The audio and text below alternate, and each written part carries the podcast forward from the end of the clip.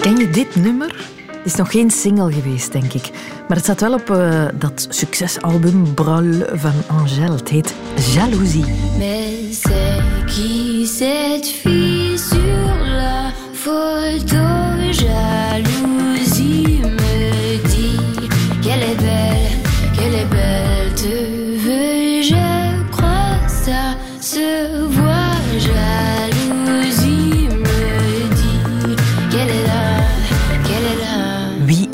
Meisje op de foto?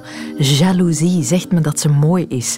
Ze wilt u, dat zie je meteen. Jaloezie zegt me dat ze bij jou is. En verderop zingt ze dan ook nog... Tu nu tu, tu nu tu. Jaloezie, je bent dodelijk. Ik vind dat nummer een heel goede beschrijving van hoe het voelt om jaloers te zijn. Voor zover ik dat al ervaren heb natuurlijk. Je moet daar een beetje het type voor zijn om jaloers te zijn. Sommigen zijn dat al meer dan anderen. Welkom in de wereld van Sophie.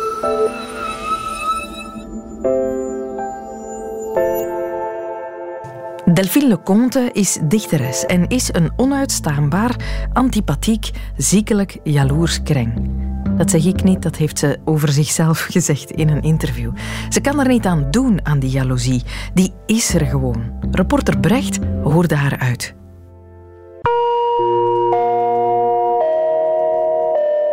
Delphine, ik noem u dichteres. Ja, graag. Of dichter? Oh ja, daar struikel ik niet zo over. Dichteres mag. Dichter mag ook. Denk dat de dichteres jaloers is op een dichter. nee, ik denk zelfs dat dichteressen uh, een beetje voorgestoken worden. Allee, dan toch vooral jonge, aantrekkelijke, guitige dichteressen. Waar ik dan weer niet, tot die categorie behoor ik dan weer niet. Maar uh, daar gaan we al met die jaloezie. Jaloezie op jonge, guitige, aantrekkelijke dichteressen. Nee, nee. Toch wel een beetje af en toe, als ik eerlijk ben. Mijn jaloezie betreft toch vooral het amoureuze. En ja, voor, voor de meeste mensen zal het wel zo zijn. Ja. Want het is natuurlijk heel destructief, jaloezie. En uh, ja, de beste manier om iemand, uh, om iemand kwijt te geraken. Ja, echt vastklampen aan iemand. Uh, en alles willen controleren. Bij mij ging het op een bepaald moment zo ver dat ik jaloers was als mijn geliefde zijn kinderen hielp, zijn volwassen kind, maar het doet er niet toe. Het is mooi als een ouder zijn kinderen helpt met een verhuis of allee, het doet er niet toe met wat als het kind ziek is, volwassen kind. Maar ik ja, zag dan ook daarin een, een soort bedreiging of en ook jaloers op het amoureuze verleden van een geliefde zo alles willen weten over de vorige geliefden en foto's willen zien en mezelf dan vergelijken. Natuurlijk, ja, onzekerheid is dat ook voor een groot stuk natuurlijk. Ik verwacht ook wel voortdurend uh, bewijzen van, van de liefde en... Um, het zijn geliefden, dus er moet liefde zijn, punt. Ja, ja voilà. Het liefst van al alleen voor mij. En um, niet voor de kinderen, niet voor de kassierster, niet voor de buren. niet voor de dode ouders. Nee, dat is uh, redelijk vergaand. Goh, sowieso alleen mannen en moederverering, dat ligt altijd moeilijk bij mij. Um, dat is iets wat me altijd geïrriteerd heeft. Het is me al overkomen dat ik verliefd werd op iemand van die herenliefde. Een deel van mijn bundel gaat over uh, die onmogelijke liefde. En hij uh, woont naast zijn moeder. en hij uh, is een soort mantelzorger voor zijn moeder. En zelfs, ja, het kan geen liefde worden, geen relatie worden, dat weet ik. en toch ben ik dan ook zelfs op die moeder, jaloers, jaloers van die moeder. En ook jaloers van zijn vriendschappen. En uh, nee, dat hij vriendschappen zou hebben met andere en heeft met andere mannelijke dichters, daar kan ik mij nog bij neerleggen. Met Nederlandse dichteressen ligt dat wat moeilijker. Met Vlaamse dichteressen, nee, dat wil ik echt niet.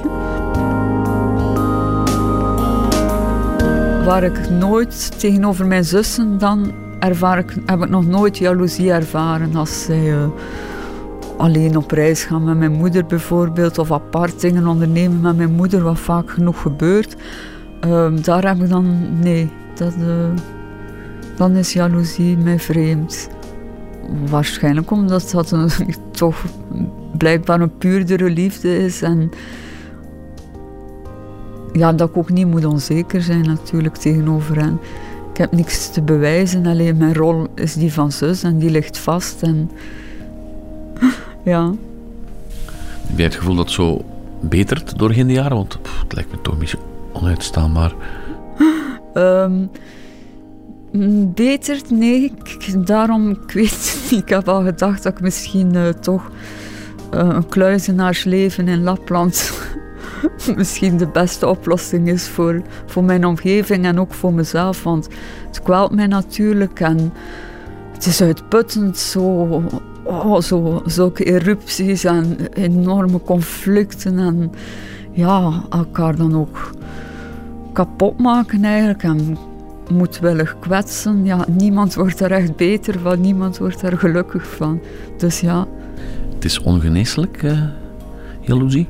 Ik denk dat het ongeneeslijk is. Ik zie dat ook bij mijn ouders. Die zijn, die zijn al lang gescheiden maar, en zitten in andere relaties. Maar ik merk dat ze ook in diezelfde patronen hervallen. En dat die even uh, vurig en vernietigend en, en moeilijk en complex blijven. Dat er, nee, dat er geen, uh, geen mildheid of uh, sereniteit is binnengeslopen in hun leven ben er natuurlijk ook niet trots op. En af en toe probeer ik wat pogingen te ondernemen om toch wat, uh, wat rustiger en meer ontspannen in een relatie te staan. Maar in vriendschappen heb ik het ook. Een vriendin zendt dan uh, heel onschuldig een foto van een uitstap die ze maakt met een andere vriendin. En dat voelt dan echt als een, als een mes in de rug. Ik denk, je lompe trut, waar, waarom, doe je, waarom doe je mij dat aan? Maar ze wil gewoon ja, een mooi moment delen. Ik zei zoiets van, het is niet heel fijn gevoelig om deze foto te delen. Zoiets kleinzieligs. En dan zei ik er wel bij, maar ja, ben een lichtgeraakte dichter. De lichtgeraakte dichter, een ziekelijk jaloerse vrouw. Heel veel grote denkers en filosofen hebben zich al gebogen over dat fenomeen van jaloezie, de meest onbehagelijke emotie van allemaal omdat ze altijd, denk ik, voelt als een nederlaag. Het is zo'n mix van angst, van uh, een nieuwsgierigheid die helemaal geen rust brengt. Je voelt je niet bemind, niet gewaardeerd, uh, verlaten. En je denkt dat elders, waar je er niet bij bent, dat het spannender is, uh, boeiender is, intenser is. Dus je voelt je buitengesloten. En ik denk ook dat bij jaloezie, alles wat je onderneemt, maakt het eigenlijk alleen maar erger. Dit is filosoof Tineke Beekman. Het is een illusie van te denken dat heel felle jaloezie een teken is van geweldige liefde voor iemand anders. Uh, maar zo doet het zich wel voor. Dus het, het is een, een, een gevoel uh, dat zich heel erg verbergt onder andere gevoelens. Ja, een vermomd gevoel. Ja. Zij vindt, als het gaat over jaloezie, vooral de ideeën van Proust, Freud en een zekere René Girard interessant. Ja, dat is een, een Franse denker. Ik weet niet of hij nog leeft, maar dan is hij in elk geval heel, heel oud al zijn. Dat is iemand die zegt, um, wat de grote literatuur ons te vertellen heeft, is dat uh, de begeerte altijd de mimetische begeerte is. Er is eigenlijk een romantische leugen. De romantiek vertelt de leugen dat we op een oorspronkelijke manier voor iemand vallen, omdat iemand heel mooi is, of heel bewonderenswaardig is, of heel aantrekkelijk is. Maar zegt René Girard, worden we altijd geleid in ons verlangen, dat komt helemaal niet van onszelf, door een bepaald model. Mhm. Door het feit dat iemand die we bewonderen suggereert hoe aantrekkelijk die andere persoon is. En hij heeft dat ook onderzocht in de literatuur, bij Shakespeare, bij Stendhal. En dan uh, merk je bij Le Rouge et le Noir bijvoorbeeld dat de hoofdpersoon heel verliefd wordt op een vrouw, maar dat eigenlijk al een ander personage gesuggereerd heeft hoe aantrekkelijk die vrouw eigenlijk wel is. En dat, zegt René Girard, is kenmerkend voor alle liefdesrelaties die zijn eigenlijk altijd triangulair. Het is altijd een driehoeksrelatie. Het is nagebootste liefde. Het is nagebootste liefde. We imiteren de verlangens van iemand anders. Maar dat betekent ook dat je de jaloezie mee uitnodigt. Mhm. Want de rivaal, het model, wordt dan eigenlijk een rivaal. Die, die begeert eh, dezelfde persoon als, als, als wie dat je zelf begeert. En dan ja, ontstaan er altijd ook spanningen. Maar dat betekent dat de gelukkige liefde ook een hele soort illusie is. Of in elk geval iets is dat heel moeilijk Ja, te bereiken is. Haast onmogelijk wordt. Ja, en Wat- je kan daar helemaal in opgaan volgens René Girard. En dat kan ook uit, uitmonden in een soort waanzin. Ja. Wat eh, schreef Marcel Proust over eh, jaloezie? Bij Marcel Proust is eh, de jaloezie een vorm van lijden die aanzet tot creativiteit.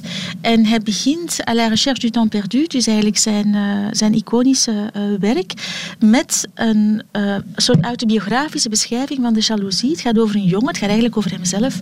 En die ligt doodongelukkig in bed, omdat zijn moeder hem niet komt groeten. En zijn moeder komt hem niet onderstoppen, komt hem geen kusje geven, omdat ze deelneemt aan een soirée en dan kan ze niet komen. En die jongen ligt dus in zijn bed en die voelt zich helemaal uitgesloten van een, een genot, hè, van, van die soirée, van, van de, de, de, de, de moeder die omringd is door mannen, hè, door andere mensen. En hij blijft daarover fantaseren. Eh, en dat, kan eigenlijk ook niet helemaal stopzetten. En dus er is eigenlijk een plek, en daar wordt hij eigenlijk een beetje gek van de gedachte dat waar zijn moeder is, dat ze gelukkiger is met anderen dan eh, met hem. En die scène wordt een beetje de blauwdruk voor alle liefdesrelaties. Dus waarin dat jaloezie, angst, zelfkwelling, nieuwsgierigheid, maar ook die verbeelding eh, kenmerkend worden voor die liefde. En het, het opvallende daaraan is, en dat, want het, eh, er zijn dan verschillende andere personages in À la recherche du temps die een gelijkaardig soort van jaloezie zullen beleven. En dan valt eigenlijk op dat het niet zozeer gaat over de buitengewone kenmerken van de geliefde persoon, maar dat het veel meer gaat over die zelfkwelling en over die, eh, over die verbeelding. Mhm. En dan is er Sigmund Freud, eh, die je vermeldde. Die heeft het eerder over een soort ziekelijke jaloezie. Die ook Ja. wat over het zelfverraad. Ja, dus eh, hij onderscheidt een normale jaloezie, want dat wil ik toch ook even zeggen. Het is eh, niet elke vorm van jaloezie is, is pathologisch, maar het is wel zo dat in de extremere vormen van jaloezie je ook iets leert over de liefde. Het is eigenlijk zo dat ik het zelf bekijk. En Freud eh, zegt er is een soort normale jaloezie, maar dan eh, legt hij ook de nadruk op de projectie in de jaloezie. En dat vind ik ook heel interessant. Hij zegt, als je een partner hebt die je voortdurend verdenkt van ontrouw en op geen enkele manier kan gerustgesteld worden, en zonder dat daar in de realiteit een reden voor is, dan kan het zijn dat dat te maken heeft met de projectie van het eigen verlangen. En dus een buitengewoon jaloerse man, die bijvoorbeeld niet kan verdragen dat er een vrouwelijke arts naar zijn vrouw kijkt, die niet kan verdragen dat ze alleen op straat rondloopt enzovoort, dan gaat het, helemaal, gaat het er niet over dat, die vrouw, dat hij die vrouw zo graag zou zien of dat hij die vrouw zo graag zou begeren, maar dan gaat het erover dat hij zijn eigen verlangens van ontrouw op die vrouw projecteert. En doordat hij zelf de bron is van die ideeën over ontrouw, dat is de reden dat die jaloezie ook niet te stille valt. Er is niks dat die vrouw kan doen dat de argwaan en de jaloezie van die man zou wegnemen. Dus ook daar heeft het te maken met een gebrek aan inzicht in de eigen verlangen. Dus die man die worstelt met zijn eigen seksualiteit en het is die worsteling eh, die heel onbehagelijk is en waar hij een soort uitweg voor vindt door die naar buiten, door die op iemand anders te projecteren. Jaloezie gaat om zelfliefde en of je daar net iets te veel of te weinig van hebt.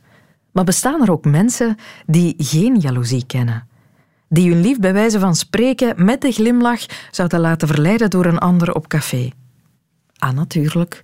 De polyamoreuze medemens. Als je je lief kan delen met een ander, dan ken je geen jaloezie. Of wel? Katelijne Gijzel. Ik ben polyamorisch. Eh, wat dat dus inhoudt dat ik eh, romantische relaties aanga met verschillende mensen tegelijkertijd, terwijl dat die daar ook allemaal van weten en mee akkoord zijn. Het is natuurlijk niet makkelijk als je jaloers bent en verschillende relaties hebt, maar het is eigenlijk een beetje een, een stereotype beeld dat mensen die aan polyamorie doen ehm, niet jaloers zouden zijn. Er zijn natuurlijk heel veel mensen binnen polyamorische gemeenschap die daar absoluut niet jaloer, jaloers zijn. Maar er zijn er ook enorm, enorm veel die dat, dat wel hebben. En dat is ook geen ramp. En er rust binnen de mensen die polyamorisch zijn rust er echt wel een taboe op. Van, oh, ik kan niet jaloers zijn, want dan, dan ben ik niet goed bezig. Of dan, dan mag ik geen meerdere partners hebben. En dat is heel jammer. En vandaar dat ik ook dacht van, oké, ja, dan is dat wel goed dat er iets over gezegd wordt. Jaloezie is eigenlijk een emotie dat, of iets dat voortkomt uit onzekerheid. Bij mijn eigen toch is dat vooral uit onzekerheid. Ehm, en ja, dat, dat is ook gewoon heel menselijk. Hè? Het gaat eigenlijk meer over hoe dat je daarmee omgaat, wat dat je daarmee doet, dan ja, dat dat een slecht, slecht zou zijn om dat te voelen. Je mocht natuurlijk echt niet de trut gaan uithangen omdat je jaloers bent, dat is niet oké. Maar af en toe jaloers of onzeker zijn is op zich geen ramp, denk ik.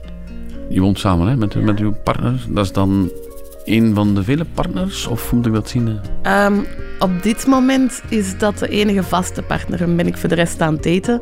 Dat is ook een van de meerdere geweest, inderdaad.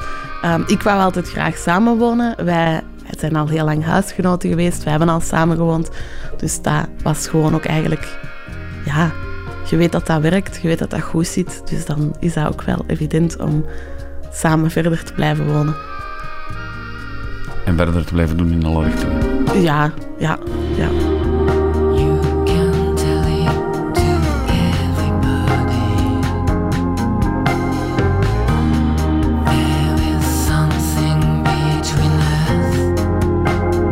Als ik met iemand nieuw sta te babbelen en dat klikt wel, toch eens even langs te komen en eens even iets te zeggen van zo over het huis of zoiets.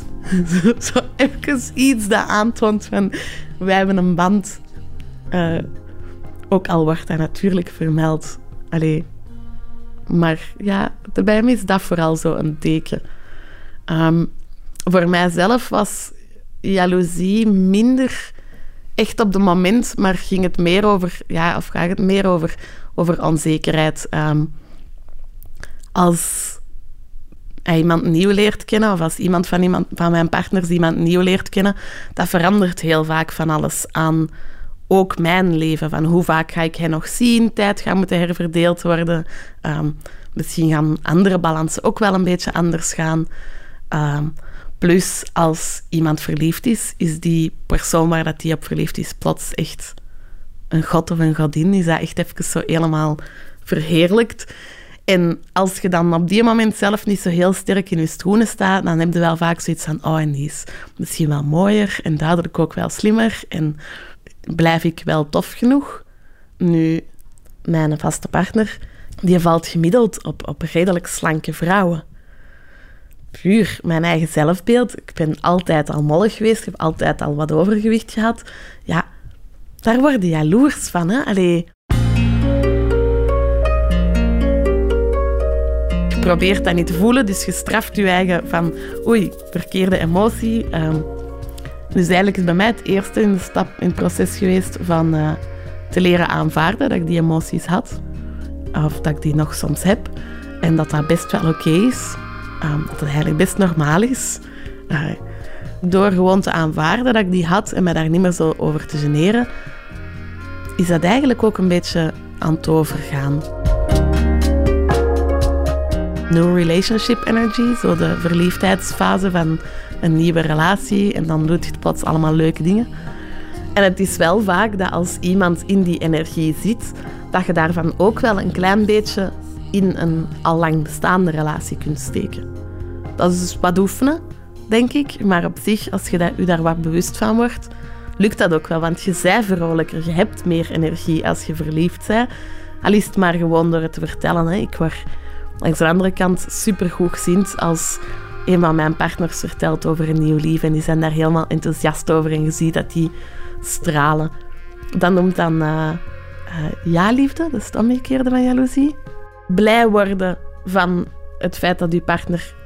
Met iemand anders geniet. Ja, met iemand anders geniet. Of iets leuk doet waar dat jij niet bij bent.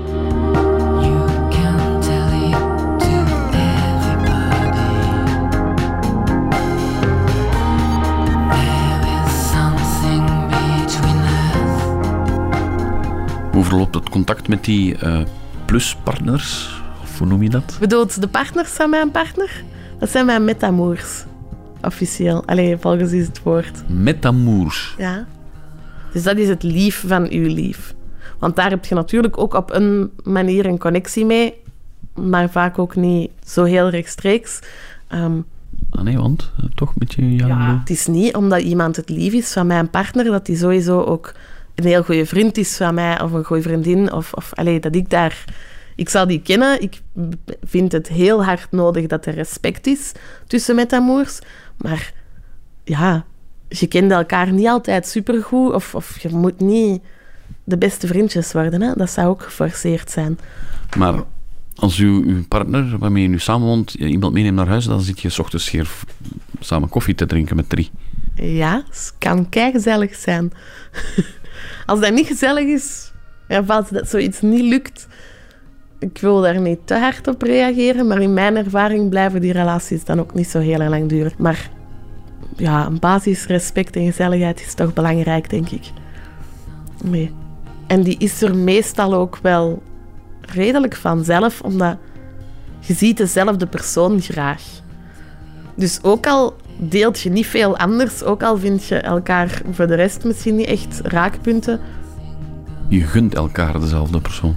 Dat ook al. Dat ook al. En ja, zelfs gewoon... Er zijn mensen van zo metamours dan, die dat ik op het eerste zicht echt niet echt mee klikte. Maar als mijn partner die super graag zie en daar goed gezind van wordt, dan moet daar wel iets leuk aan zijn. En die ziet mij ook graag en wordt ook goed gezind van mij. Dus dan moeten wij ook toch ergens wel een beetje op eenzelfde golflengte zitten. Al is het maar een klein raakvlak hebben. Minstens hebben we dan het raakvlak, we hebben dezelfde partner. Dus... Ja. Een groot misverstand, zo blijkt, dat polyamoreuze mensen geen jaloezie zouden kennen. Weer iets bijgeleerd. Net als de woorden met amour en ja-liefde, het tegengestelde van jaloezie. Nu we toch in de wereld van de taal zitten, wanneer het over jaloezie gaat, dan zegt men al wel eens gauw dat iemand groen ziet van jaloezie. Maar waarom? Waarom is jaloezie groen? Ja, op zichzelf is het natuurlijk niet eh, abnormaal in de taal om ehm, emoties of, of gewaarwordingen of aandoeningen uit te drukken met kleuren. Taalkundige Freek van de Velde van de KU Leuven. We zeggen ook eh, ja, wit van schrik of rood van woede. Ah, wit van woede, dacht ik altijd. Of wit van woede, het hangt er een beetje vanaf eh hoe ziet dat soort uit. woede? ja, ja, waarschijnlijk.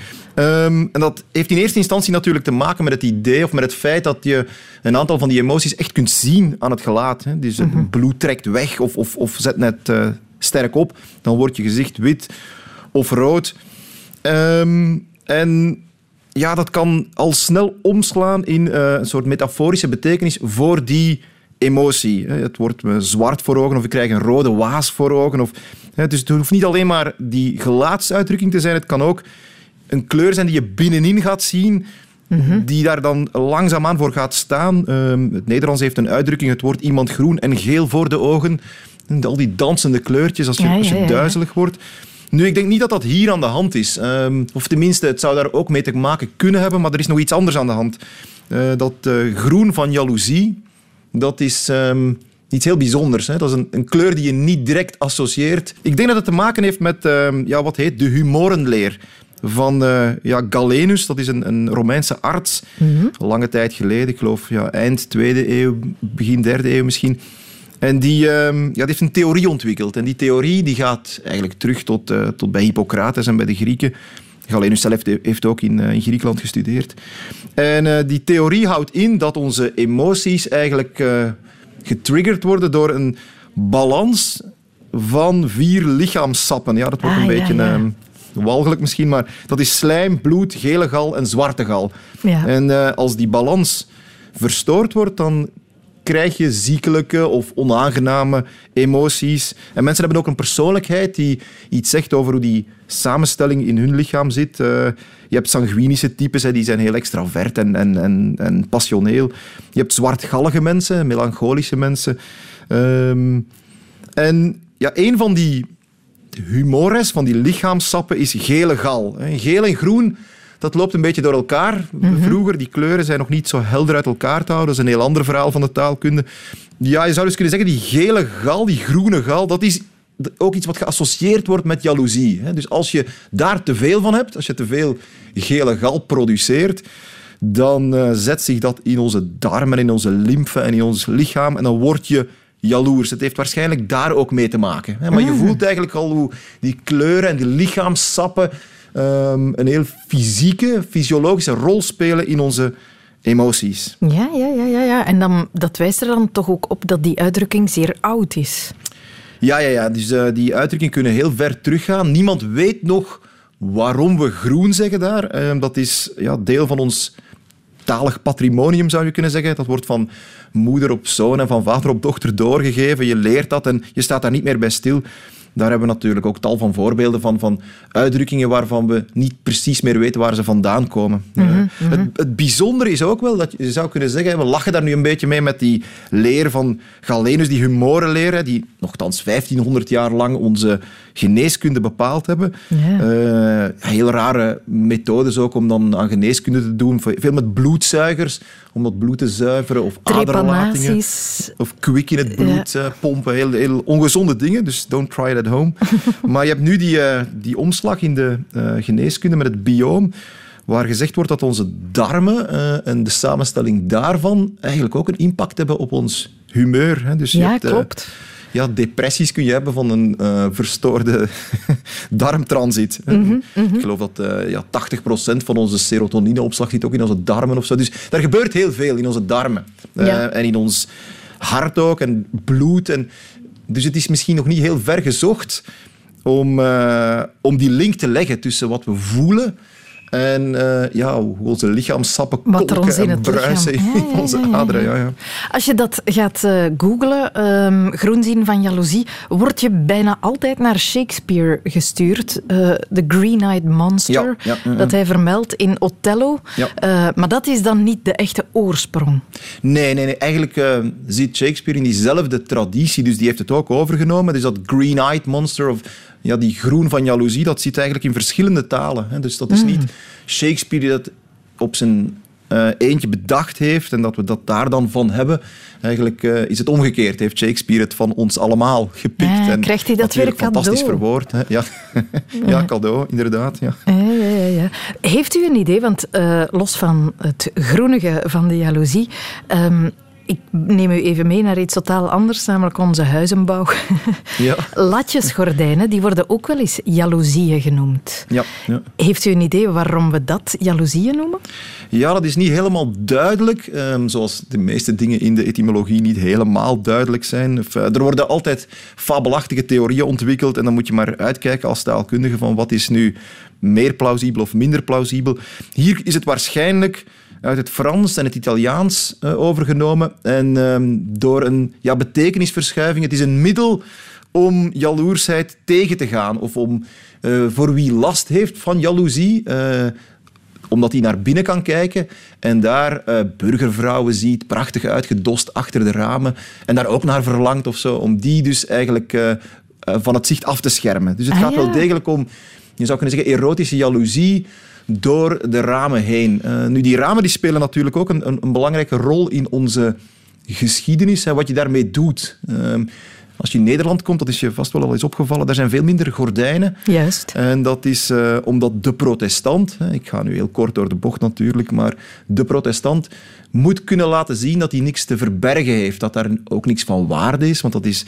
eh, Niks ja, om jaloers op te zijn. ascetischer Of, ja, ehm, en ehm, niks om jaloers op te zijn, precies. Hè. Dus ehm, ja, die ramen, die, dat is een venster op wat iemand anders heeft en, en niet heeft. Hè. En, dus, eh, en vensters worden ook na de middeleeuwen groter. Eh, glaswerk komt terug in gebruik in de 14e eeuw. En eh, die kastelen van vroeger, die forten, die eigenlijk dienden ter bescherming, die krijgen nu heel grote ramen. Dus ik kan me voorstellen dat die latjes, dat lattenwerk, eh, bedoeld waren als een soort, ja, hoe moet je dat noemen, architecturale burka om, ehm, om problemen te vermijden. Dat is mooi gezegd, een architecturale burka. De jaloezie is als een architecturale burka. Onthoudt u die ook?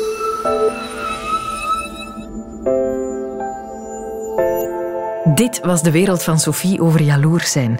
En omdat ik al eens jaloers ben op podcasts die hoger in de hitlijsten staan dan wij, zou ik toch nog eens willen vragen om te abonneren op deze podcast. Dan krijgt u die podcast voortaan elke week vanzelf opgestuurd. Krijgen wij een hoger plekje in de lijst. En we zijn natuurlijk ook elke weekdag te horen op Radio 1 tussen 10 en 12. Tot gauw.